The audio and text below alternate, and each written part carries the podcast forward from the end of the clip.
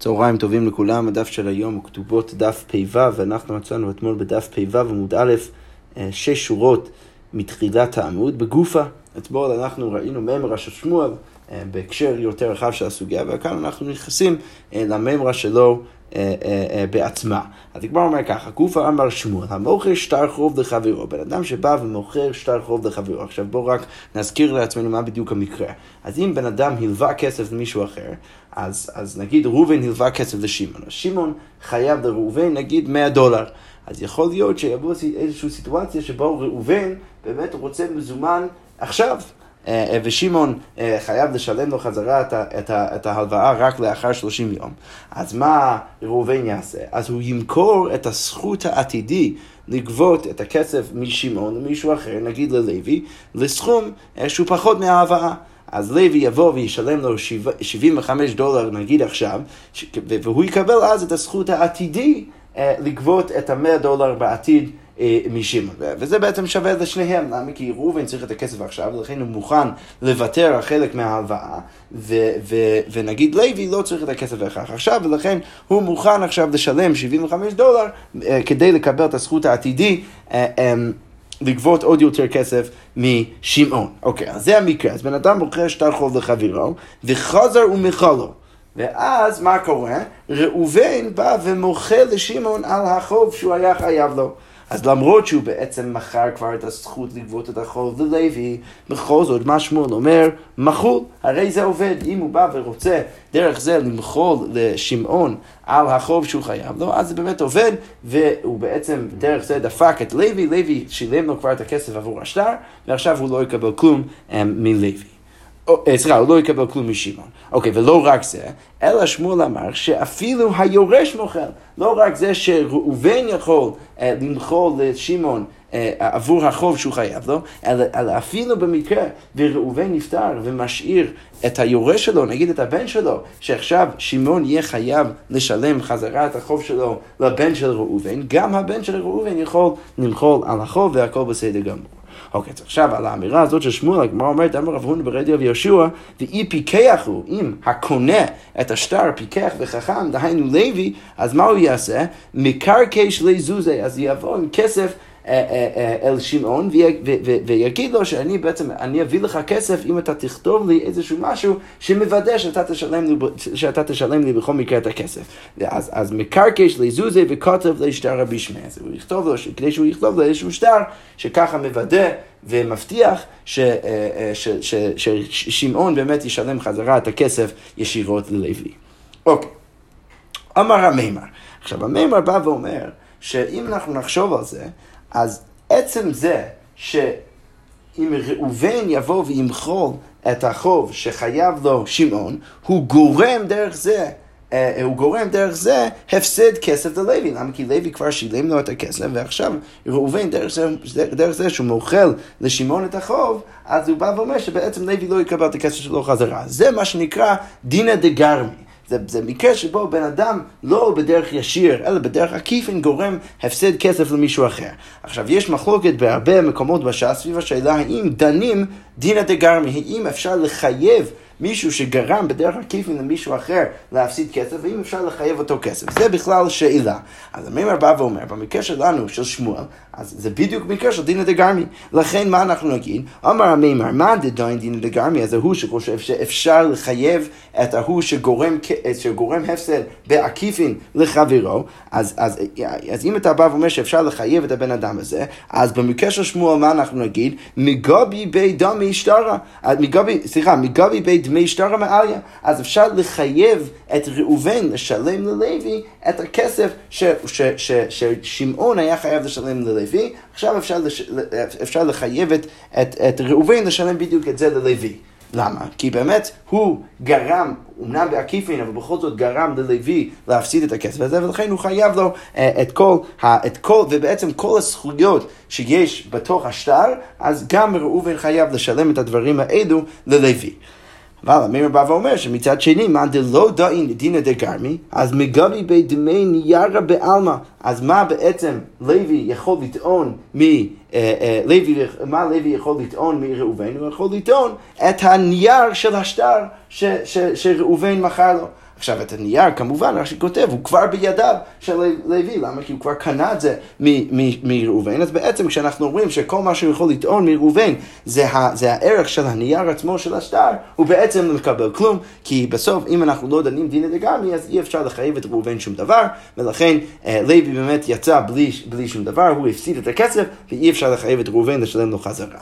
הדגמר מספרת, הווה עובדא וכפיה רפרם לרב אשי ואגבי בי קישורו לצלמי. הדגמר מספרת שהיה מקרה מרפרם הכריח דרך ראיות את רב אשי באמת לגבות, לדון דינא דגמרי, לגבות מהמלווה, לשלם אה, חזרה את הכסף לקונה, לאחר שהוא, לאחר שהוא מחל אה, ללווה את, את החוב, אז, אז רב אשי בסוף כפה את המלווה לשלם את הכסף לקונה את השטר, והגמר משתמשת כאן בביטוי כשורו לצלמי. כמו הקורה שבדרך כלל קונים כדי לבנות מזה איזשהו צל. עכשיו, כשקונים קורה כזה כדי לבנות איזושהי צורה מסוימת, אז קונים את זה בד, בדווקאות ממש, כי רוצים שזה בדיוק בדיוק מתאים למה שרוצים לבנות, ולכן באות, באותה צורה, אז אנחנו, הגמרא מספרת שרב אשי גם כן חייב את המלווה לשלם לשלם לקונה את השטר את כל מה שבאמת הוא היה חייב לו, כי באמת לפי סוף הגמרא כאן, משמע שאנחנו במקרה של שמוע דנים דינא דגרמי, ולכן באמת צריך לחייב את המלווה לשלם לקונה.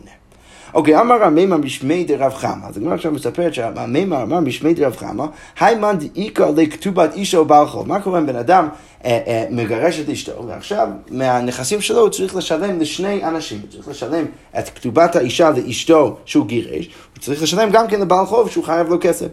אז, והמימר ממשיך ואומר, ואית לי ערה ואית לי זוזה, יש לבן אדם הזה גם כן קרקע, וגם כן זוז, זוזה, יש לו גם כן כסף מזומן.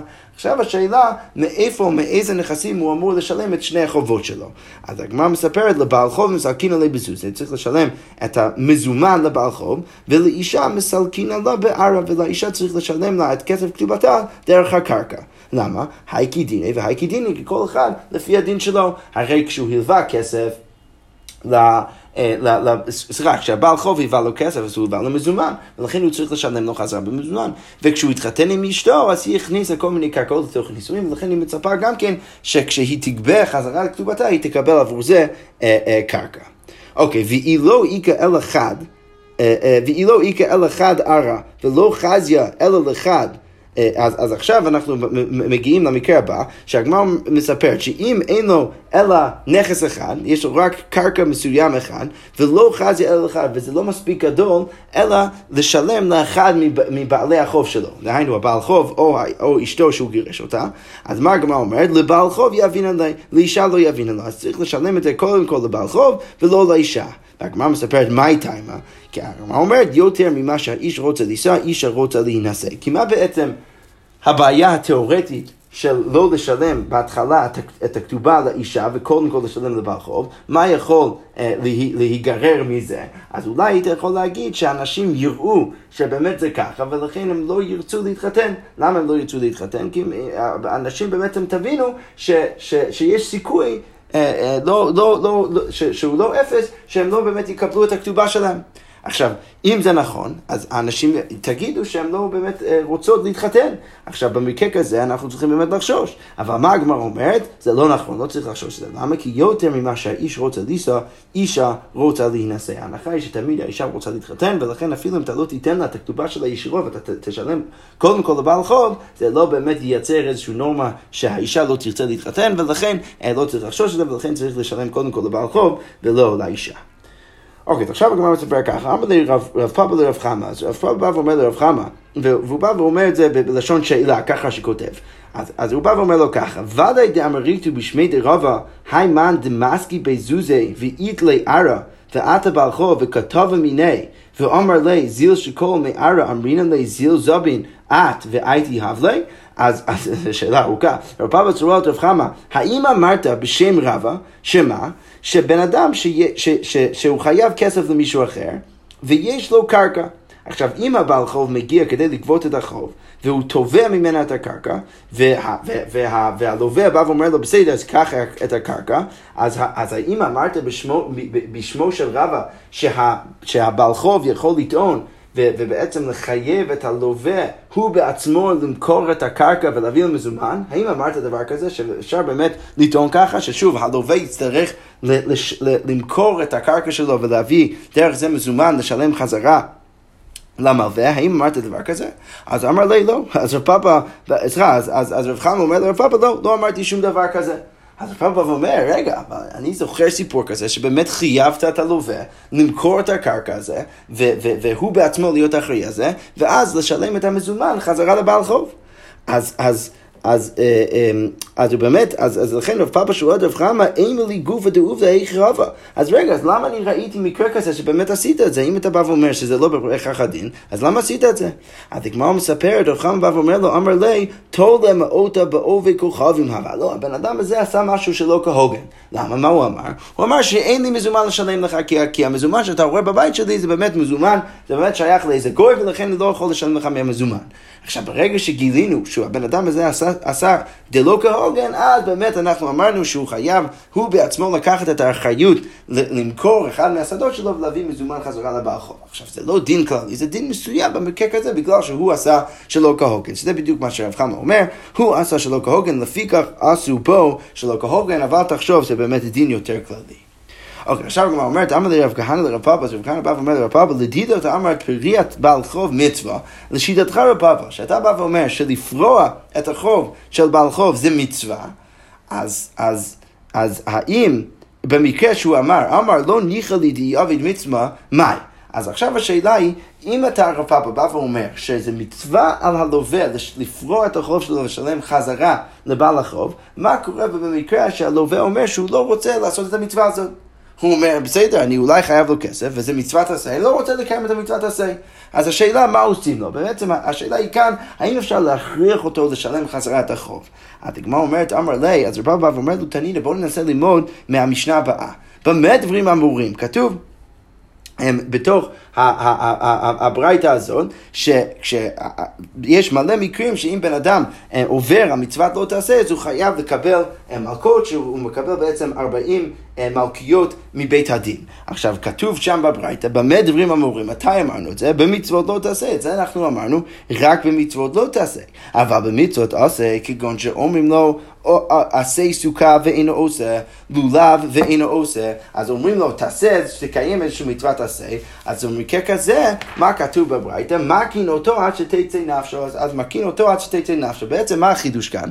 שלעומת איסור לא תעשה, שבן אדם יכול לעבור על זה רק פעם אחת, אז מביאים לו איזושהי כמות מסוים ומוגדרת מראש של מלכיות. דהיינו, 40 פחות אחד, ל"ט מלכיות. אבל במקרה, ו- ועוד, ועוד שייך אליו לקיים מצוות עשה, שזה בעצם חוב, חיוב שהוא מתמשך והולך, אז אנחנו נכה אותו עד שהוא לא יקיים את המצווה, ואפילו אם יצא נפשו והוא ימות, לא משנה, אנחנו נכה אותו כמה שיותר. עכשיו, מה משהו מזה? משהו מזה שאם אתה מניח שלשלם ולפרוע חזרת החוב לבעל חוב זה מצווה על הלווה לקיים, אז באמת משהו מזה שאנחנו יכולים להכריח אותו כמה שיותר עד שהוא באמת יעשה את זה ואפילו עד שתצא נפשו. אוקיי, עכשיו הגמרא שואל ככה, באמיני רבי בר חמא רב חיסדא, רבי בר חמא בא ושואל את רב חיסדא הדבר הבא, הרי זה גיתך ולא תתגרשי בו אלא לאחר שלושים יום. עכשיו, לפני שאנחנו ניכנס לגמרא, חשוב שרק נזכיר לעצמנו מה ראינו לפני כמה דפים במשנה. ראינו שיש בעצם את שיטת רבי טרפון, שבא ואמר שאם הבעל השאיר פירות התלושים מהקרקע לאחר שהוא נפטר, אז למרות שבדרך כלל כל המטלטלים הולכים אה, ליורשים, כאן במקרה כזה יש אפשרות לרבי טרפון שגם או, או, או האישה או הבעלי חוב יכולים בעצם לתפוס את זה ולזכות בדברים האלה לפני שזה מגיע ליורשים. עכשיו אמרנו אז בגמרא, אה, לפי שיטת רבא ושמואל, שהם אמרו שניהם שכל זה נכון רק אם הפירות האלו נמצאים בתוך רשות הרבים. כי אז באמת מחוץ לרשותו של הבעל הנפטר, ולכן באמת גם הבעל חוב וגם האישה יכול, יכולים משם לזכות בדברים האלו. אבל אם זה, אם זה נמצא בסמטה, שיש לבעל חוב יותר רשות על המקום הזה והוא יכול תאורטית לקנות משם את הפירות, אז זה הולך ישירות ליורשים וזה לא הולך לא לבעל חוב ולא לכתובת האישה. עכשיו, על רקע זה הגמרא באה ואומרת ככה, באמיני רמי בר חמא רב חיסדא, אז רמי בר חמא שאל מרב חיסדא, הרי זה גיתך ולא תתגשי בו לאחר שלושים יום. מה קורה אם בן אדם נותן גט לאישה ואומר, זה גיתך, אבל את לא מגורשת אלא לאחר שלושים יום. עכשיו, מה האישה עושה? והלכה והנחתו בצידי רשות הרבים. אז האישה הלכה ושמה את זה בצידי רשות הרבים. אז עכשיו השאלה מהו, האם לאחר שלושים יום, אם הגט נמצא עדיין בצידי רשות הרבים, האם עכשיו האישה מגורסת? עכשיו, מה בעצם הצדדים של השאלה? האם אנחנו אומרים בעצם שברגע שהיא שמה את הדבר הזה בצידי רשות הרבים, זה מספיק בתוך רשותה כדי שהיא תתגרש לאחר שלושים יום, או האם אנחנו נגיד שבגלל שזה שם לאחר שלושים יום, אז זה לא נחשב בכלל בתוך רשותה, ולכן היא לא תוכל להתגרש אה, אה, ברגע הזה שהגט עוד נמצא שם. אז הגמרא אומרת, אמר לי, אז רב חיסדא בא ועונה לרבי בר חמא, אינה מגורשת. לא, צריך להגיד שהיא לא מגורשת. למה? מדרב ושמואל, מהאמירה של רב ושמואל על המשנה שלנו. למה? מה אמרו רב ושמואל? דרב ושמואל עמי תרוויו, והוא שצבורינו מונחים ברשות הרבים. אז, אז רב ושמואל אמרו שלפי רבי טרפון, הבעל חוב או האישה יכול, יכולים לזכות בפירות התלושים מן הקרקע רק אם הם נמצאים בתוך רשות הרבים. למה? כי לבעל אין שום רשות בדבר הזה ברגע שזה בתוך רשות הרבים, ולכן הם יכולים לזכות בהם לפני היורשים. עכשיו, אם אנחנו ניקח את הסברה הזו וננסה ליישם את זה במקרה שלנו, ונגיד שצידי רשות הרבים זה כמו רשות הרבים, אז מה יוצא? אז יוצא שהגט שנמצא בתוך צידי רשות הרבים זה באמת נמצא במקום של, ש, שבשם, אה, שם, ששם אין שום רשות לאישה בדבר הזה, ולכן היא לא תוכל להתגרש במקרה כזה. אז הגמרא אומר בדיוק את זה, וצידי רשות הרבים כרשות הרבים דמו, ולכן היא לא תוכל להתגרש. אבל הגמרא אומרת, רגע, אדרבה, צריך להגיד לכאורה בדיוק הפוך. מגורשת, צריך להגיד שהיא מגורשת. למה? מדור רב נחמן, מהאמירה של רב נחמן. למה? מה למה מה אמר רב נחמן? אמר רב נחמן, אמר רבא בר אבוה, האומר לחברו משוך פרה זו, ולא תהיה קנויה לך עד לאחר שלושים יום, קנה ואפילו עומדת באגם. יש לנו אמירה של רב נחמן בשם רב ברבוע, שמה הוא בא ואומר? שאם בן אדם בא ואומר לחברו, תמשוך את הפרה הזאת, ודרך זה תקנה אותה, אלא, אלא שמה? אתה תקנה אותה רק לאחר שלושים יום. עכשיו, אם הוא אומר דבר כזה, אז באמת, לאחר שלושים יום, מה אנחנו נגיד? אנחנו נגיד שהחבר שמשך את הפרה, קנה את הפרה, ואפילו אם הפרה עומדת באגם. אז מה הגמרא רוצה להגיד? מה אליו היינו אגם, היינו צידי רשות הרבים. לכאורה אגם זה בדיוק כמו רשות הרבים, למרות שאין למושך שום אה, אה, אה, אחיזה ורשות באגם, בכל זאת הוא קונה לאחר 30 יום את, את, את הפרה. אז כמו כן, מה צריך להגיד במקרה שלנו? זה לא משנה לאחר 30 יום איפה נמצא הגט. ברגע שהאישה קיבלה את הגט בתחילת התהליך, אז אפילו לאחר 30 יום היא אמורה באמת להתגרש במקרה כזה. אז כמו אומרת, לא, זה לא בהכרח נכון. למה? כי... כי באמת יש חילוק מאוד uh, ברור בין אגם וצידי רשות הרבים. לא, אגם לחו וצידי רשות הרבים לחו. שאגם זה שונה מצידי רשות הרבים. מצידי רשות הרבים זה נחשב כרשות הרבים, ולכן ברגע שהגט נמצא שם, אין סיכוי שהאישה יכולה להתגרש. אוקיי, כל זה בעצם וריאציה ראשונה שאנחנו באמת אומרים שהיא אינה מגורשת. אבל הגמרא מספרת איגא דרמי, יש עוד וריאציה שאנחנו נגיד בדיוק הפוך. אמר להם מגורשת. אז במקרה כזה, רב חיסדא עונה לרבי מלחמה ובא ואומר שהיא באמת מגורשת, למה? מידי רב נחמן, מהאמירה של רב נחמן, וצידי רשות הרבים כאגם דמי, כי באמת לכאורה צידי רשות הרבים זה כמו אגם, ולכן ברגע שאנחנו רואים אצל המקרה של הפרה, שהמושך את הפרה קנה לאחר 30 יום אפילו אם הפרה נמצאת באגם, אז כמו כן אנחנו נגיד שהיא מגורשת לאחר 30 יום אפילו אם הגט נמצא בצידי רשות הרבים. הגמרא אומרת, רגע, אדרבה אינה מגורשת, לכאורה צריך להגיד שהיא לא מגורשת, למה? מידי רב ושמואל, כמו שאמרו רב ושמואל, שברגע שזה נמצא ברשות הרבים, בצידי ברשות הרבים, לכאורה צריך שאין לה שום אחיזה במקום הזה, ולכן היא לא מגורשת. אז הגמרא אומרת, מה אליו היינו רשות הרבים, היינו צידי רשות הרבים, כי לכאורה ומשמע באמת שצידי רשות הרבים זה כמו רשות הרבים, ולכן לפי הסברה של רב ושמואל היא לא אמורה להיות מגורשת. אז הגמרא אומרת, לא, לא, זה לא בהכרח נכון, אלא רשות הרבים לחו וצידי רשות הרבים לחו, ולכן אנחנו בעצם משווים בווריאציה הזאת בין צידי רשות הרבים והאגם. ולכן כמו שהחבר קונה את הפרה לאחר 30 יום, אפילו אם הפרה נמצאת באגם, כמו כן האישה מגורשת ואפילו אם הגט נמצא בתוך צידי רשות הרבים. יפה. אוקיי, עכשיו אנחנו נמשיך למשנה הבאה, והמשנה אומרת ככה, המושיב את אשתו חנוונית או שמינה אפוטרופיה. אז, אז המשנה מספרת שאם בן אדם מנע את אשתו להיות חנוונית, רש"י כותב למכור גינו פירותיו, אז הוא בעצם שמה אותה כאחראית על החנות שלו עם כל הפרקמטיה שלו, או שהוא הפך אותו להיות אפוטרופיה, שרש"י כותב להכניס ולהוציא פירותיו, לזכור פועל וליסה וליתן, בעצם להיות אחראית על כל המערכת הכלכלית של הבעל. אז אם הוא עשה אחד מהדברים האלו, אז ברגע שהוא מגרש אותה או שהוא נפטר, אז פתאום אנחנו אולי בסוג של בעיה. למה? כי יכול להיות שהאישה, בגלל שהיא הייתה כל כך אחראית על כל נכסים, שהיא בעצם לקחה איזה כמה דברים לעצמה, וזה עוד נמצא אצלה. עכשיו, במקרה, ו- ובאים לגבות את, את הכתובה שלה מהנכסים של הבעל, אז יוצא שאולי צריך בעצם להוריד מהסכום של הכתובה עבור מה שאולי האישה לקחה ברגע שהיא הייתה אחראית על כל הדברים האלו. אז המשנה אומרת שבמקרה כזה, הרי זה משביעה כל מה שירצה. אז הבעל יכול להשביע את אשתו כל מה שירצה, הוא יכול להגיד שאני משביע אותך, ואת חייבת להישבע שאין לך כך וכך דברים בתוך ביתך, ואם את לא נשבעת, אז, אני, אז אני, אני אוריד מסכום הכתובה ואני אשלם לך פחות. כל עוד את נשבעת, אז בסדר גמור, אני אשלם לך את הסכום המלא, אבל כל עוד את לא לקחת על עצמך את השבועה, אז אני חייב לשלם לך הרבה פחות. אוקיי, אבל אליעזר אומר אפילו על פלחה ואפילו על עיסתה. אנחנו בגמרא נשאל בדיוק מה הכוונה של רבי אליעזר, אבל איך שזה לא יהיה, הוא בא ואומר, הוא, הוא בעצם בא ומרחיב את האפשרות אה, של הבעל להשביע את אשתו, והוא בא ואומר שהוא יכול להשביע אותה אפילו על פלחה ועל עיסתה. שבעצם אפילו אם היא לקחה אה, איזושהי אישה לתוך ביתה, או את הפלח שלה, אם היא לקחה גם כן לתוך ביתה, אז הבעל יכול להשביע אה, את האישה שהיא צריכה להישבע, שהיא לא לקחה את זה, ואם היא לא נשבעת, אז באמת הוא, הוא, הוא יכול להוריד מהסכום הכתובה שהוא משלם לה. אוקיי, אז הגמרא אומרת, איבאי להו. רבי אליעזר על ידי גלגול כאמר, או לכתחילה כאמר. כשרבי אליעזר בא ואמר שה, שהגבר, הבעל, יכול להשביע את אשתו על פלחה ועל עיסתה, האם הוא אמר את זה רק בהקשר שהוא כבר משפיע אותה בצורה יותר רחבה בגלל שהוא מינה אותה כאופוטרופוס או כחנוונית האחראית על המערכת הכלכלית שלו, או האם רבי אליעזר אמר שאפילו לכתחילה הוא יכול להשפיע אותה, אפילו הדברים האלו, אפילו במקרה שהוא לא מנה אותה כחנוונית או כאופוטרופוס. אז הגמרא אומרת, תשמע בואו ננסה להבין מברייתא. כתוב בברייתא, אמרו לו לרבי אליעזר, אחרי שרבי אליעזר אמר שהוא יכול להשביע אותה אפילו על פרחה וליסתה, אז אמרו לו לרבי אליעזר, אין אדם דר עם נחש בכפיפה. מה הכוונה? הם בעצם אומרים לרבי אליעזר, איך אתה יכול לבוא ולתת את האפשרות הזאת לבעל? הרי אתה לא יכול לצפות מהאישה לגור עם בן אדם שבאמת ישביע את אשתו שהיא, אה, שהיא לא לקחה ממנו את הפלחה ואת עיסתה. עכשיו, מה משמע מזה? אז הגמרא אומרת, היא אמרת בשלמה לכתחילה, אם אתה רוצה להגיד שרבי אליעזר באמת מאפשר לבעל לכתחילה להשביע אותה במקרה כזה, השאפי, אני יכול להבין למה חכמים מגיבים לרבי אליעזר ואומרים, זה לא הגיוני לצפות מהאישה לגור עם גבר כזה.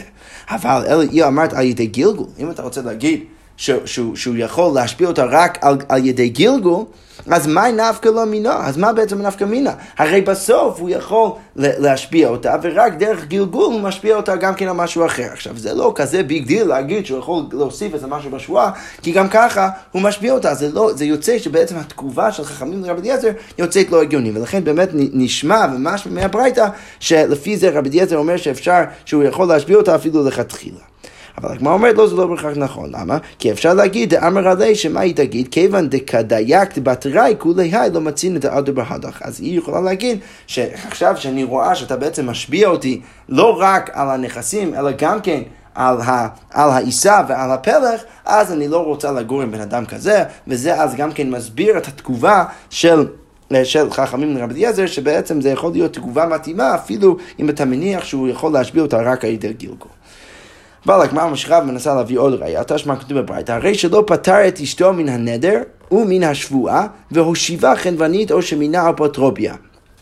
אז הברייתא אומרת שאם בן אדם לא פתר, ואנחנו נראה במשנה הבאה שיש אפשרות שהבעל אולי יפתור את אשתו מהשבועה, אבל אם הוא לא פתר אותה מהשבועה או מן הנדר, והושיבה כחנוונית או כאופוטרופיה על כל הנכסים שלו, אז הרי זה משביע, אז הוא יכול להשביע אותה כל זמן שירצה, כל פעם שהוא רוצה להשביע אותה ובעצם אה, אה, להוכיח שהיא לא לקחה ממנו חלק מהנכסים, אז הוא יכול לעשות את זה.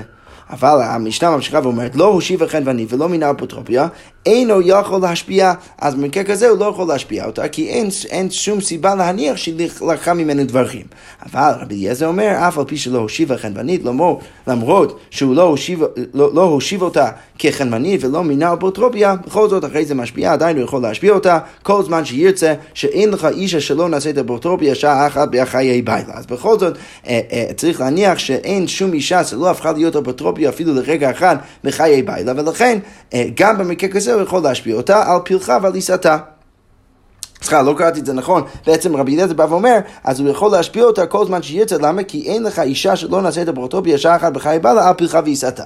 אז ברור שמתישהו הייתה אחראית על העיסה ועל הפלח, ולכן באותו רגע היא הייתה אפוטרופיה על הדברים האלו, ולכן ודאי שהוא יכול להשפיע אותה אה, אה, במקרה כזה. עכשיו, אה, בברייתא ממשיכים ואומרים, הברייתא אומרת, אמרו לו, אין אדם דר עם נחש בכפיפה. אז לזה מגיבים חכמים, והם אומרים שאי אפשר שהבעל יוכל להשפיע את אשתו על דבר כזה, למה? כי אי אפשר לצפות מאישה שהיא תגור עם מישהו שהיא יודעת שעוד שנייה הוא יכול להשפיע אותה בכל רגע על הפלח ועל העיסה שלה, ולכן באמת משמע מהמשנה שרבי אליעזר אומר שהוא יכול להשפיע אותה בדברים האלו אפילו לכתחילה, ולא רק על ידי גילגול, וזה בדיוק מה שהגמרא אומרת, שמע מינה לכתחילה, שמע מינה. אוקיי, עכשיו אנחנו נמשיך עם המשנה הבאה, והמשנה אומר ככה, כתב לה נדר ושבוע אין לי עלייך. אז אם הוא כותב לאישה, שלמרות שהוא מונה אותה כחנוונית או כאופוטרופיה, הוא בכל זאת כותב לה שהוא לא יוכל להשביע ולא יוכל לחייב אותה בנדר, אז באמת המשנה קובעת אין יכול להשביע. אבל משביע הוא את יורשיה, אז הוא לא יכול להשביע אותה, אבל אם היא נפטרה והיורשים שלה באו לגבות את הכתובה, אז במקרה כזה הוא לא יכול, אה, הוא כן יכול להשפיע את היורשים שלה, שהם לא לקחו את חלק מהנכסים שהייתה תחת ידה של אימא שלהם לפני שהיא נפטרה. אוקיי, okay, אז הוא יכול גם כן להשביע את, יור, את יורשיה ואת הבאים ברשותה וגם כן אנשים אחרים שמגיעים ברשותה לגבות ממנו כל מיני חובות, אז גם, אה, גם האנשים האלו יכול להשפיע אותם שאין להם חלק מהנכסים שהאישה כבר לקחה ממנו. אוקיי, מה, מה, מה קורה אם הוא כותב לה את הדבר הבא? נדר ושבוע, אין לי עלייך ועל יורשייך ועל הבאים ברשותך, אז אני לא יכול להשפיע לא אותך ולא היורשים שלך ולא הבאים ברשותך. אז במקרה כזה אינו יכול להשפיע לא היא ולא יורשיה ולא הבאים ברשותה. אז כל, כל האנשים האלו מהצד שלה הוא לא יכול להשפיע אותה. אבל זה רק הוא שלא יכול להשפיע. אבל יורשיו משפיעים אותה ואת יורשיה ואת הבאים ברשותה. אבל היורשים שלו, אם הוא נפטר וחייבים לשלם מהנכסים שלו את הכתובה, אז היורשים שלו כן יכולים להשפיע גם אותה, וגם היורשים שלה וגם הבאים ברשותה. אבל אם הוא כתב לה נדר ושבועה אין לי, אין לי ולא ליורשי ולא לבאים ברשותי עלייך ועל יורשייך ועל הבאים ברשותייך. אז אם הוא כותב שלא אני ולא היורשים שלי ולא הבאים ברשותי יכולים להשפיע לא אותך ולא היורשים שלך ולא הבאים ברשותך, אז, אז באמת אנחנו נגיד שאינו יכול להשפיע, לא הוא ולא יורשה ולא הבאים ברשותו, לא אותה ולא יורשיה ולא הבאים ברשותה. אז לא הוא ולא היורשים שלו ולא הבאים ברשותו יכולים להשפיע לא היא ולא היורשים שלה ולא הבאים ברשותה. אז, אז, אז, אז המשנה ככה קובעת ש, אה, שבמקרה כזה באמת הכתיבה שלו אה, מהניה והוא לא יכול להשפיע אותה בכל שאר הווריאציות, גם, גם לא הוא, גם היורשים שלו, גם מי שבא ברשותו, לא יכולים להשפיע לא אותה ולא היורשים שלה ולא מי שבא ברשותה. אוקיי, עכשיו המשנה מספרת שאם היא הלכה מקבר בילה לבית אביה, אז אם היא הלכה ישירות לבית אביה, או שחזרה לבית חמיה ולא נעשית אופוטרופיה, אז אם היא הלכה ישירות לבית אביה, או שהיא חזרה לבית חמיה אבל היא לא הפכה לאחר מיתת בעלה להיות אופוטרופיה על הבית, אז היורשים, אין היורשים משביעים אותה, אה, אז, אז היורשים לא משביעים אותה, הם לא יכולים להשביע אותה, למה? כי אין, לא היה שום תקופת זמן שהייתה יכולה משם לקחת את הנכסים. למה? כי או שהיא הלכה ישירות לבית אביה, או שהיא הלכה חזרה לבית חמיה, אבל היא לא הפכה להיות אופוטרופיה, ולכן במקרה כזה היורשים לא יכולים להשביע אותה בשום דבר. ואם נעשית אופוטרופיה, אז היורשים משביעים אותה על העתיד לבוא, ואין משביעים אותה על מה שעבר. ואם רק ברגע זה, לאחר שנמתר הבעל, אז היורשים יכולים להשפיע אותה מהתקופה הזאת, שהיא לא לקחה שום דבר לעצמה, אבל הם לא יכולים להשפיע אותה מה שהיה לפני, כי לפני כן היא לא הייתה אפוטרופיה, כל זה בהנחה שלא הייתה אפוטרופיה ולפני, ולכן הם לא יכולים להשפיע אותה אה, על התקופה לפני, כי אין שום הנחה שהיא לקחה משהו לעצמה, ויכולים בעצם להשפיע אותה רק מה, מהתקופה שהיא באמת הפכה להיות אפוטרופיה ולהלן, ולא לפני זה. שכוייח וגוד שבס.